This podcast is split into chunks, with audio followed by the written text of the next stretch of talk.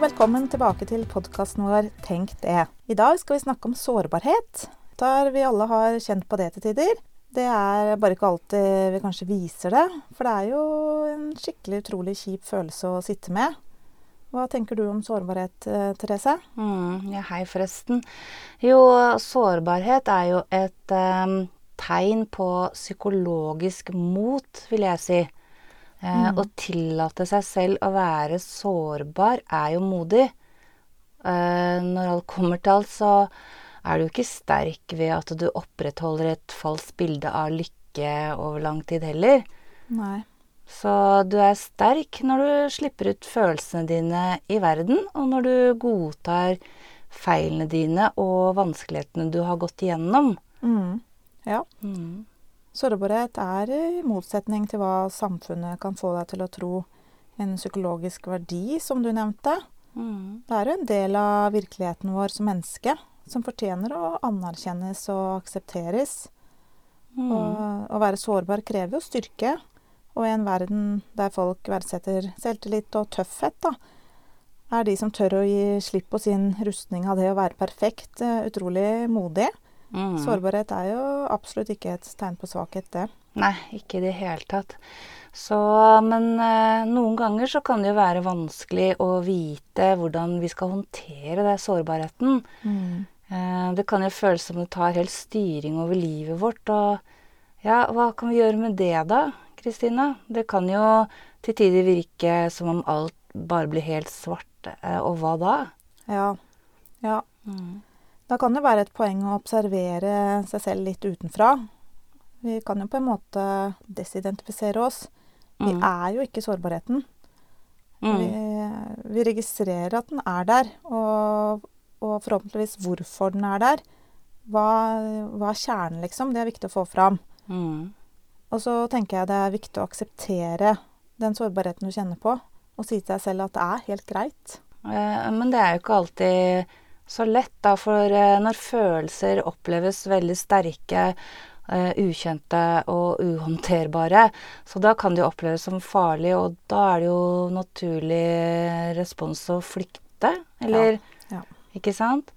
Hvis f.eks. en liten jente eller gutt da alltid blir bemøtt med sånn store jenter eller gutter gråter ikke eh, når han hun er lei seg, da vil jo han eller hun legge lokk på sin tristhet, eller hva?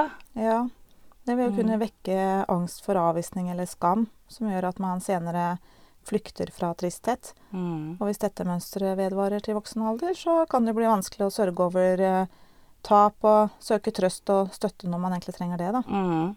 Ja, du kan jo flykte ved å rømme på et indre plan. Eh, ved å tenke bort eller bortforklare hendelser eh, der følelser vekkes, istedenfor å kjenne på dem. Og da er det jo ikke så bra. Nei. Men eh, man kan også benytte seg av eh, ytre mål, eh, måter å flykte på også, da. Ved å lindre med alkohol og rus, eh, mat eller overdreven trening f.eks. Det tror jeg mange gjør. Mm, ja. Og sove mye også, være passiv, kan jo også være en måte ja, å numme hele følelsessystemet på, da. Og det er jo ikke bra. Nei, det er det jo absolutt ikke. Mm. På et mellommenneskelig plan så kan vi flykte ved å isolere oss, bli kalde og distanserte eller å utslette oss selv. Mm. Effekten av flukta er at det skrur av følelsene og ubehaget, ubehaget som følelsene vekker på kort sikt. Men det vil jo ligge der da, i underbevisstheten og komme frem med jevne mellomrom. Så det vil jo påvirke oss uh, som menneske. Helt klart. og Det er derfor det er så viktig å stå i det, da, som har pratet om. Altså, du må jo gråte og, og bare la følelsene få utarte seg. Og, og kjenne på at du er sårbar og trist, men at det faktisk ikke er selve deg. Det er bare en følelse du har. Ja, Mm. men hvilken følelse er det? Det er ikke alltid så lett å vite. Nei. Er du sårbar, eller er du faktisk kanskje sint eller frustrert? Er det frykt, eller er det kanskje skam du kjenner på? Mm. Og for å kunne akseptere og gi slipp, så må man jo vite hva følelsen egentlig er. Uh, alle disse følelsene ligger jo som regel der i underbevisstheten, og det er jo først når vi blir de bevisst da, at vi kan ta et valg på hvordan vi skal håndtere dem. Ja, det, det kan jo hende at du gråter, men at uh, det ikke føles uh, konstruktivt, liksom. Altså kanskje litt sånn du føler deg som et sånn sutrende barn, og du skjønner egentlig ikke hvorfor du gråter. Altså mm. kanskje du dekker eh, over en annen følelse. Mm. Eh, altså hva hadde vært på plass og følt nå ut ifra situasjonen i livet ditt? Kanskje du, kanskje du faktisk er sint? Ja. Dette er det jo viktig å finne ut av. Hvis du blir på en måte krenket av noen, reagerer man jo ofte med følelsen sinne. Mm. Mens du da begynner å kontrollere følelsene dine, da, så blir du kanskje trist eller frustrert. Du dekker over og blir frustrert eller trist eh, i stedet for eh, sinne, som kanskje er den egentlige følelsen. Mm. Du utsletter de, de, følelsene som er der, og liksom sørger for å oppføre deg sånn som du tenker at det er riktig da, i stedet. Mm. Og dette her kan jo gjøre oss syke. For, mm. for følelsene fortsetter å forsøke å fortelle oss noe, og symptomene forsvinner ikke. Så følelsene fortsetter på forunderlig vis å nekte å gi seg. Eh, de, de, gir oss ikke fred da, før de er anerkjent. Så det er viktig å prøve å finne ut hva de vil fortelle deg. Mm. Altså følelsene sier jo ofte noe om eh, våre behov. Og behov kan være vanskelig å finne. Eh, grunnleggende sett så er jo, er jo alle følelser knyttet til ditt behov. Og å finne de er veldig viktig skritt da, i riktig retning. Ja, mm. så prøv i best mulig grad å finne ut av hva det egentlig er du kjenner på, og hva er det du har behov for. Og etter det så aksepter at uh, følelsene er der.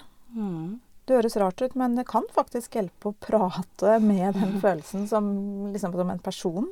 Ja, det er helt sant. Og det gjør jo jeg. Litt sånn jeg, jeg, kjenner at du er her sårbare, og det er helt greit, ikke sant. Jeg jeg sier til meg selv at jeg, ja, jeg forstår at du tar plass i livet mitt akkurat nå. Eh, du vil beskytte meg, og det er jo fint. Eh, og jeg ser at du prøver å fortelle meg at jeg har et behov for ditt eller datt, og jeg prater, gir empati og ja, trøster meg selv, da.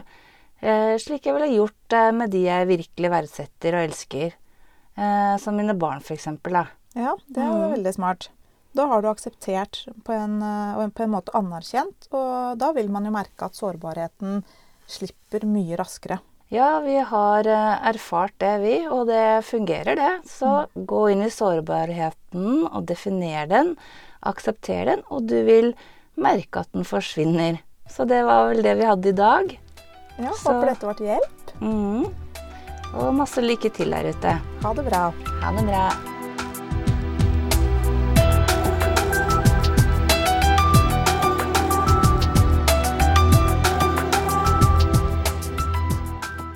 Suriyeri é Medium.